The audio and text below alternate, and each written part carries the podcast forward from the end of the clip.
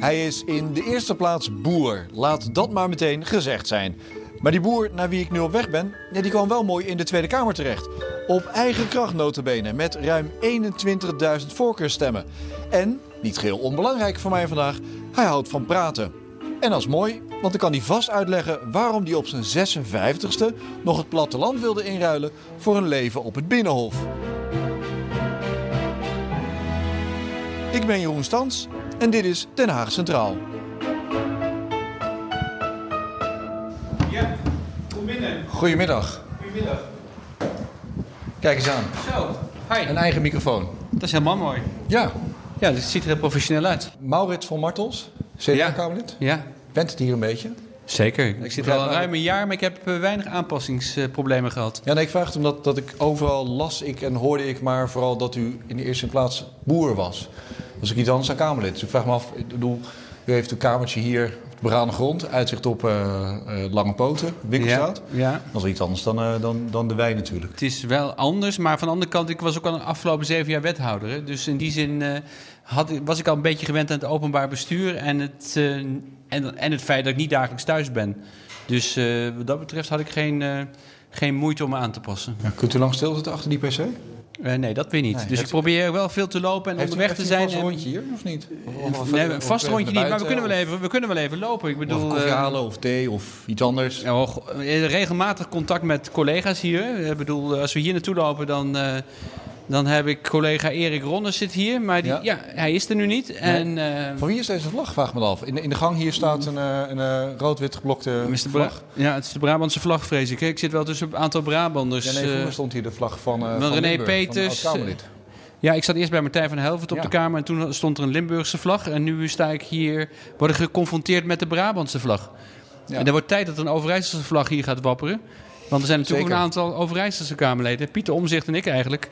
En eh, nou ja, wij moeten ons eigen vlagje ook maar gaan meenemen. En wat ik dan altijd hoor en lees eh, van je, is dat je je heel druk maakt over het eh, belang van regionale vertegenwoordiging. En dat, dat er veel te veel Kamerleden uit de Randstad zitten en niet uit jouw regio. Waarom is dat zo'n probleem?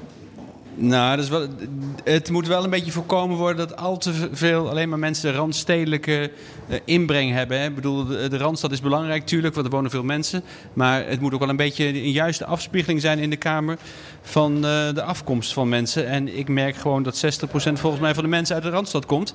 Dus eh, de rest van Nederland doet er ook nog toe en daar kom ik dan ook wel voor op. Nou, we lopen nu naar de eerste verdieping. Waar gaan, waar gaan we heen eigenlijk? Ehm, ja, we gaan even naar de patatbalie gaan. Maar ik wil toch even terug naar, naar eh, Maurits van Martels zelf. Ja. Eh, dan, dan strijk je hier neer. Ja, een je- jaar geleden. Ja, ben je dan eigenlijk welkom? Oh, zeker. Ik heb me direct welkom gevoeld hoor. Hoewel ze wel even vreemd staten, stonden te kijken van eh, wie is die man en waar komt hij vandaan en hoe heeft hij het voor elkaar gekregen om überhaupt hier in de Kamer terecht te komen. Want ik stond natuurlijk op een ja, 44ste plek. Even kijken of Ja. trouwens hier in de fractiekamer niemand binnen is hoor. Ik, eh, ik, ik hoef dit nooit te doen zo, Nee. naar binnen is- te lopen. Maar met een Kamerlid eh, durft het aan. Dit is een Dit is de mooie fractiekamer van het CDA waar we dinsdagmorgen vertoeven. zeker indrukwekkende zaal altijd. Ja. Ehm, D66 zit er in een etage boven in Ja. de fractiekamer. Hebben dezelfde indrukwekkende kamer. Maar als we hier even kunnen, kunnen blijven. Want die Zeker. 44ste plaats, eh, dat blijf ik dan toch altijd fascinerend vinden. Laten we stoel erbij pakken. Wie zit hier normaal gesproken eigenlijk op deze plek? Eh, hier zit eh, Harry van der Molen en rechts zit eh, Anne Kuik en hier tegenover zit Sibrand Buma. ja, die zat aan, aan het hoofd. Ja. Maar 44ste plek, waarom ik vroeg van, voelde je dan meteen thuis? Het was voor mij natuurlijk niet echt de bedoeling dat je ook echt de kamer in zou komen op plek 44. Wat, wat mij betreft wel, maar je moet zorgen dat je A, op die lijst komt, de kandidatenlijst. Er, uiteindelijk mogen er 50 mensen op die lijst prijken, hun naam mogen daarop prijken. En vervolgens ga ik ervan uit dat al die 50 mensen in principe wel eh, de intentie hadden om in de Kamer terecht te komen. Ik in, ik in ieder geval wel. Ja, nee, maar ik bedoel vanuit, vanuit de partijtop zelf. Als echt heel Oh, graag nee. hadden gewild dat Mhm. Maurits van Martels in de Tweede Kamer zou komen, had hij wel hoger gestaan. Eh, je stond een plek onder, onder ehm, Ja, dat- hoe, hoe heet die voetbal, voetbaltrainer ook weer? Eh, die oud trainer? Goeie naam, ja. Ik, ik weet zijn naam Nou, niet ene. meer. Maar ja, Nou, Heel erg dat ik, hem- dat, dat ik hem niet eens meer weet. Maar Ik ook niet meer. op plek 44. En eh, plek 44, nou ja, dat, eh, ja eh, niet al te hoge klassering. Maar van de andere kant, je staat wel op die lijst. Ik bedoel, er zijn ook 300 mensen die solliciteren. En ze moeten hun afwegingen maken. De, de, de, de Kamerfractie die van 2012 tot 2017 actief was, die krijgen sowieso al voorrang. Die komen wat hoger op de lijst. En vervolgens zijn er nog een aantal plaatsen open voor mensen uit den landen. En ze moeten ook een, ja, er moet een afspiegeling zijn van wat ik net ook al zei, vanuit, eh, vanuit de, ook van alle regio's, van alle, alle provincies. En dan is het ook logisch dat Overijssel, er stonden vier Overijsselaars op, eh, op die lijst van 50 en ik was er één van. Ja, maar, Maar- voel je dan ook echt gewaardeerd als je hier binnenkomt? Of was je toch die man die er tussendoor glipte en op eigen kracht de kamer binnenkwam? Nee, ik, ik voelde me direct gewaardeerd. En ik had ook meteen contact met eh, de nummer 19, Evert-Jan Slootweg. En die belde me ook direct op. Want in eerste instantie was het zo dat hij in de Kamer terecht kwam. Het was een dag na de verkiezingen. Ja. En de uitslag eh, eh, van de voorkeurstemmen die kwam pas twee dagen later, werd die bekend. En toen moest hij weer wijken voor, omdat ik toevallig toch over hem heen was komen zeilen. Maar dat was alle har- allerhartelijkste reactie van Evert-Jan Slootweg. Maar ook van alle mensen hier hoor. Ik bedoel, geen. Maar ze moesten wel even kijken wat voor vlees hebben ze in de kuip. En wie ben ik? Want ze kennen me natuurlijk niet. Dus, eh, maar van de andere kant dacht ik ook zo. Je moet eh, wat dat betreft eh, langzaam maar zeker. moet je jezelf gewoon profileren. En in ieder geval laten zien wie, wie ben je en wat doe je en waar sta je voor. Maar dan kom je als, bijna als totale buitenstaander hier binnen. Ja. Waar verbaas je dan als eerste over? Wat je hier in Den Haag tegenkomt? Ehm, die vraag is behoorlijk vaak gesteld de afgelopen tijd. En ik moet eerlijk zeggen, ik heb me niet over heel veel dingen verbaasd. Ik bedoel, je krijgt eh, als kijker, want voorheen was ik natuurlijk kijker, gewoon op televisie krijg je wel een aardig beeld hoe het er in de Tweede Kamer aan toe gaat. En ik heb ook wel verhalen gehoord van mensen, ook van actieve Kamerleden, van hoe, wat kun je hier nou verwachten? En ik zei al, ik ben ook wethouder geweest, dus je weet wel iets van het openbaar bestuur.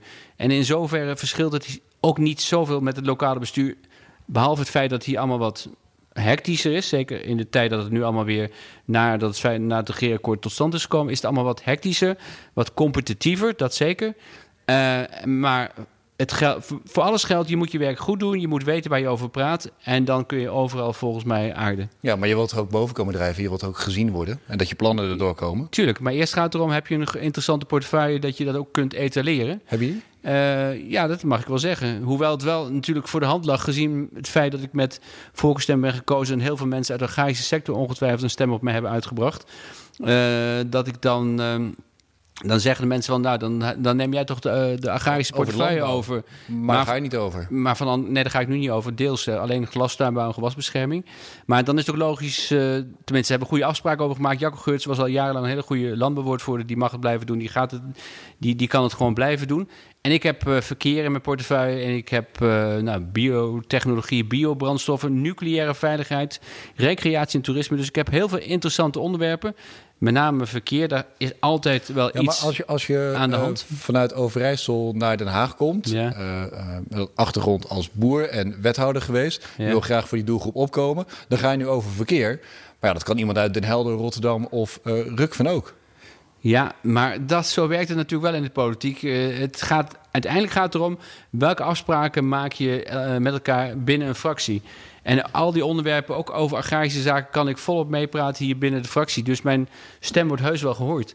En dat vind ik met name van belang. En eh, dat je daarnaast ook een portefeuille krijgt die wat eh, misschien nou, niet voor de hand liggend zou zijn. Dat, dat is gewoon een feit waar je mee geconfronteerd wordt in de politiek. En eh, daar heb ik ook vrede mee hoor. Dat Ja. wist ik van tevoren. Ik bedoel, in de lokale politiek net zo. Daar had ik ook onderwerpen die niet het dichtst eh, bij me lagen, maar toch eh, kun je daarin ontwikkelen. Ja. En het gaat erom dat je het interessant vindt en dat je in ieder geval probeert om de kennis die je erover hebt en over eh, ontwikkelt, dat je die op goede manier naar voren brengt. Ja. Nu we toch in die, in die, die fractiekamer zitten, Mhm. je blijft hier toch rondkijken over Ja, hoe groot het is en wat- is het hier op het plafond eigenlijk? Het is volledig houtwerk met grote kroonluchters en Ja, het ziet er in ieder geval heel erg nou, mooi en nostalgisch uit. Maar ben je daar dan van onder de indruk als je hier de eerste keer binnenkomt Ja, lopen? de eerste keer wel, zeker. Want het is gewoon een heel mooi gebouw. Het hele justitiële gebouw is mooi. En eh, met name deze fractiekamer, die eh, spreekt wel eh, tot de verbeelding.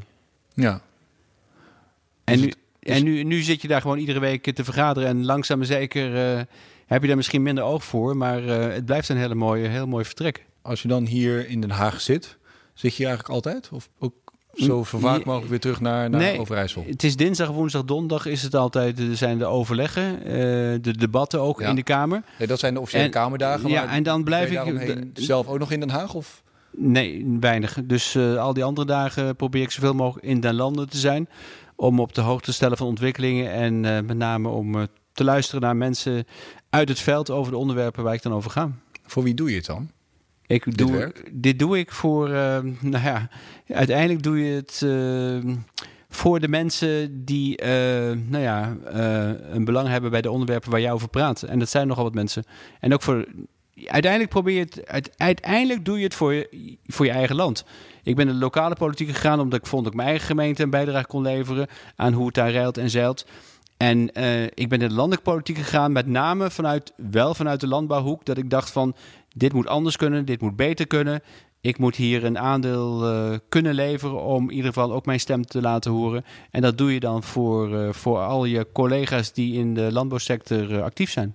Maar doe je dat dan ook in het bijzonder voor de mensen die jou de Tweede Kamer in hebben gestemd? Omdat je met voorkeurstemmen mm -hmm. erin bent gekomen? Ook wel, hoewel ik die druk niet voel hoor. En bovendien weet je natuurlijk uh, niet wie die mensen zijn. Je, je, weet dat het aantal ken je, maar je, je, kent ze niet allemaal persoonlijk. Nee, maar het gros van de mensen zal uit, uit de regio Overijssel, ja, uh, zeker. Dalfsen komen zeker. wat minder uit Maastricht. Hoewel, ik heb al 9 à 10.000 stemmen behaald, zo'n beetje uit mijn directe omgeving. En de rest van de stemmen kwam toch uit heel Nederland. Dus ook nog wel, uh, Friesland waren ook 1600 stemmen. En er waren in Brabant en Limburg ook behoorlijk wat stemmen. Dus in die zin uh, komen al mijn stemmers wel uit het hele land. Maar als je, uh, je associeert je volgens mij altijd als eerste als boer en daarna ja. Kamerlid. Mm -hmm. Zit je er dan in de eerste plaats ook voor boeren? Um, ik vind in ieder geval dat die tak uh, ruimschoots uh, aan, aan, bod moet komen. En daar voel ik me wel verantwoordelijk voor dat die sector goed vertegenwoordigd is.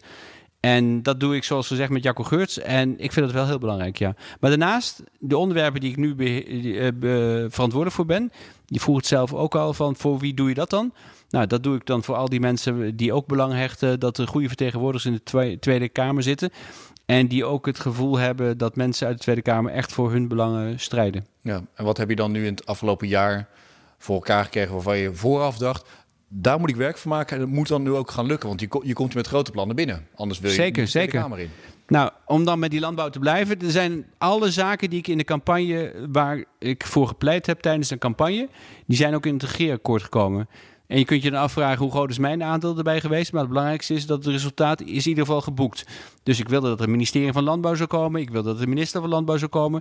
Ik wilde dat er geld, extra geld zou komen voor jonge, jonge agrariërs die hun bedrijf overnemen van hun ouders. Uh, de NVWA moest uh, worden doorgelicht. Daar moet extra middelen voor beschikbaar worden gesteld. Het agrarisch onderwijs moet veilig worden gesteld. Uh, het moet zo zijn dat de, de producent niet altijd de zwakste keten in de schakel is. zwakste schakel in de keten is. Maar, maar als je alles dat al voor elkaar dus, hebt gekregen, wat, wat, wat valt er dan nog de komende drie jaar te doen hier? Nou, in ieder geval, A, het, A het, moet, het moet wel benoemd worden, maar dan moet het allemaal nog wel uitgewerkt worden. Dus dat is de volgende stap. Het begint met het feit dat het in het regeerakkoord staat, en daar ben ik heel blij mee. Dus en nu vinger aan de pols om dat uit te werken. Maar op al die andere onderwerpen, kijk over infrastructuur, dat er extra 2 miljard extra middelen zijn voor, voor het verkeer. Daar probeer je ook een goede invulling aan te geven. Welke ja. wegen komen dan als eerste aan, in aanmerking? Wat doe je met het openbaar vervoer? Uh, maar, maar talloze vragen. Maar ben je dan zo'n goede regelaar? nee, dat weet ik niet. Maar het heeft ook alles te maken dat je een beetje... Qua timing, je moet ook een beetje geluk hebben natuurlijk. Ik bedoel, als we in de, niet in de coalitie hadden gezeten... dan uh, waren al die zaken waar je dan uh, een belang aan hecht... die waren dan nu nog niet uh, in ieder geval op papier gekomen. Nee, en, maar ik bedoel ook met regelaar. Ik bedoel, ik, ik, lees even wat dingen over, over uh, je achtergrond. En op ja. die 22e, 23e nam je uh, melkveehouderij van, van je vader al over. Ja. Uh, dan hou je van aanpakken. Is dat dan uiteindelijk, dat klinkt als heel stuf, maar wel iets dat je, dat, dat je vormt en oh, zeker. dat je daardoor ook hier misschien beter, betere start hebt? Um, dat in ieder geval dat je zelf altijd, dat heb ik altijd van huis uit geleerd, zelf initiatief nemen. Dat is enorm van belang. Niet afwachten tot uh, anderen gaan bedenken wat goed voor jou is. Maar je moet uh, wel uh, zelf weten van wat wil ik nou eigenlijk en waar doe ik het voor en hoe breng je het dan tot stand. Dat vind ik wel de belangrijkste dingen om voor mezelf in mijn achterhoofd te houden en daar ook naar te handelen. Ja, maar dan, dan stel ik mij zo voor dat Maurits van Martels daar tussen zijn koeien staat. Ja. dat is wel iets anders dan, dan tussen die 149 andere Kamerleden Die koeien Ja. geven verdacht weinig eh, tegenspraak. En dat doen ze in de Tweede Kamer wel. En dan een- heb je de media erbij en, en anderen, Ja. het publiek dat meekijkt. Ja, maar van de andere kant eh, probeer je ook op andere vlakken te ontwikkelen. Ik bedoel, eh, ik vind boer zijn nog steeds het allermooiste wat er is. Maar daarnaast heb ik me wel voorgenomen ook om, te proberen om ook op andere terreinen te ontwikkelen. En dat ik nu in het bestuurlijke circuit ben terechtgekomen, dat vind ik A, wel een verrijking. Maar ik zal mijn agrarische roots nooit verloochenen. Is dit dan een, een tussenstop? Ehm, nou ja, ik ben nu niet zeven. Hoogst, ha- hoogst haalbare dan voor je? Geen idee, geen idee, geen idee. Ik bedoel, ik ben nu 57, dus ehm, eh, ik zie het wel. Ik probeer mijn werk, zoals ik al zei, goed te doen. En wat er daaruit voortvloeit, dat, dat merk ik dan wel. Ik eh, kan me niet voorstellen dat ik voorlopig iets anders ga doen. Want ik bedoel, ik zit er nog maar een jaar. En om ook na één periode alweer eh, te vertrekken of iets anders te gaan doen, dat lijkt me ook niet voor de hand liggend. Dus dit vak kan ik nog voldoende ontwikkelen. En eh, nog heel wat eh, zaken proberen te behartigen. Wat is het leukste eigenlijk dat je hier kan doen? Want het, Het- het ziet er allemaal heel formeel uit. Het En- leukste hier in deze fractiekamer of in de politiek in algemeen? zin? Ja? Nou, het leukste is natuurlijk dat je ehm, met heel veel boeiende onderwerpen bezig kunt zijn die, eh, nou ja, enorm eh, raken aan de actualiteit. En enerzijds aan de actualiteit, maar altijd een doorkijk moeten hebben met eh, de verre toekomst. Eh, want uiteindelijk is het niet zo dat je alleen maar op eh, de korte termijn politiek bezig eh, moet zijn, maar met name op de lange termijn politiek. Dat, die, dat je die vooral in het oog moet houden. En het is iedere keer weer afwegingen maken, eh, ieder moment van de dag. En dat maakt het zo boeiend. En het feit dat je met interessante mensen om kunt gaan en dat je gewoon een heel dynamische wereld kunt, kunt vertoeven, dat vind ik het meest boeiende. En het is bovendien een mooie afwisseling voor mijn werkzaamheden op de boerderij op zondag. Ik bedenk me nu trouwens, ik weet niet waarom het nieuwe beste binnen schiet. Het was William Vloed, William Vloed. nummer Ja, 43. Die, Ja, die zeker. oud-voetbaltrainer. zeker. Die heeft wel mooi hem. de, de, de, de loef afgestoken. Ik, ik, ik weet niet wat, eh, hoe het met hem is afgelopen. En jammer dat hij hier niet een van mijn collega's is. Hadden we nog heel vaak over voetbal kunnen praten. Want ik ben... eh is zijn zoon ook niet actief nog in de voetballerij? Rijvloed is een Ja. voetballer bij NAC Breda. Is dat zijn zoon? Ja. ja. Nou, mooi om te horen. Ik hoop nog eens een keer weer te spreken. Maar ik zei al, ik voetbal zelf nog steeds. Hè? Ik ben zelf nu bezig met voetbalseizoen nummer 49. Om achtste begonnen. En ik voetbal nu nog steeds in competitieverband. En dat wil ik, zolang ik niet geblesseerd raak, ook nog even blijven doen. En dat is vermoed ik niet hier in Den Haag. Nee, dat is in Vilster, de, eh, de, de plek waar ik woon. En daar in Dalfs, tussen Dalfs en Ommen. En dat is gewoon heerlijk om te doen op zondag. Want zondag is echt toch een ontspannen dag. Met eerst koeien melken en dan koeien voeren. Dan eh, voetballen en dan... ehm, nou, dan hoop ik nog eh, de middag en de avond met eh, familieleden, met name met mijn vrouw, op pad te gaan. Ja, maar het koeienmelken wordt toch allemaal machinaal gedaan en je hebt het gewoon uitbesteed? Nou, het- nee, dat niet. Ik bedoel, dat doe ik allemaal nog zelf hoor. Dus, eh, en we hebben geen robot. We hebben nog gewoon een reguliere melkstal waar je 18 koeien tegelijk kunt melken. En dat blijf ik eh, met liefde doen. Ja, wel gewoon altijd nog ehm, eh, de apparatuur Ja, aan- dat moet je nog steeds doen. En dat blijft ook zo, want we, gaan niet, we kiezen niet voor een robot. We willen graag dat de koeien in de wei lopen. En bij ons zit er een weg tussen de stal en de weg, eh, tussen de stal en de wei. Dus dan kunnen we ook nooit een robot aanschaffen en moeten we altijd met dit systeem blijven melken. Wanneer is het geslaagd eigenlijk, wat je hier doet? Wanneer is het geslaagd? Ja, dat is wel een hele goede vraag. Ehm, en het is niet altijd zo. Het, het is niet alleen maar geslaagd als je allerlei dingen kunt binnenslepen. Het is ook eh, geslaagd als eh, de mensen in het land ook weer wat meer waardering krijgen voor de politiek en zeggen van, nou, er is rust, er is stabiliteit, er wordt met kennis van zaken gesproken over zaken. Als je daar een aandeel aan kunt leveren, bij kunt leveren, dan dat zou maar heel wat waard zijn. Het is niet alleen maar scoren op punten voor de punten die je binnen, voor de zaken die je binnenhaalt, maar vooral ook, nou, dat je als politicus uitstraalt dat je er echt zit, niet voor je eigen belang, maar voor het landsbelang. En dat je gewoon, zoals ik al zei, met kennis van zaken spreekt en met respect omgaat met je collega's ook. Dat vind ik ook belangrijk. Klinkt alsof je redelijk gewend bent inmiddels hier. Ik weet niet hoe het klinkt, maar ehm, ik, ben, eh, ik ben gewend, vind ik zelf wel. Ik, ehm, Ja. En ook geaard hier, ja, goed zeker, zeker, zeker. En ja, het is gewoon eh, prima om hier te vertoeven. En ik heb dan ook nog het geluk dat, eh, dat ik familieleden heb waar ik dan op de dagen dat ik in Den Haag ben kan logeren. En dat ik niet iedere dag op en neer hoef uh, met de trein naar, naar Dalfsen. Geen uh, Pierre d'Ater voor Ja, Pierre d'Ater bij, bij mijn zusje en mijn zwager. Maar daar, niet, daar zit ik niet zelfs nee, niet niet een zelf. appartementje huren of kopen? Nee, dat is ook ongezellig binnenkomen. Als je dan s'avonds laat binnenkomt en je zit, komt er in je eentje terecht. Dus uh, ik heb geluk... die familie, iedere keer komt die, komt die Maurits weer op zijn 57 bij ons logeren. Ja, nou, we hebben ook goede afspraken over gemaakt. En gezegd van, als dat niet meer werkt van beide kanten, wie dan ook, dan gaan we ermee stoppen. En dan moeten we kijken naar alternatieven. Maar mijn zusje heeft vorige week nog aangegeven dat ze het heel gezellig vond. En bij, van mijn kant is dat net zo. Ik mag door naar jaargang 2. Dus met alle plezier kom ik nog uh, iedere uh, nou ja, dinsdag en woensdag bij haar op bezoek. Ja. ja, dus het gaat goed. Dankjewel. Jij ook. En dit was Den Haag Centraal. Dank weer voor je tijd en aandacht. Ik ben Jeroen Stans en laat, als je wil natuurlijk, weten wat je van de podcast vindt. Dat kan via stans.bnr.nl of Twitter @jeroenstans. En volgende week, dan ga ik langs bij iemand voor wie het kamerwerk gevoelsmatig pas een paar weken geleden echt is begonnen. Tot dan!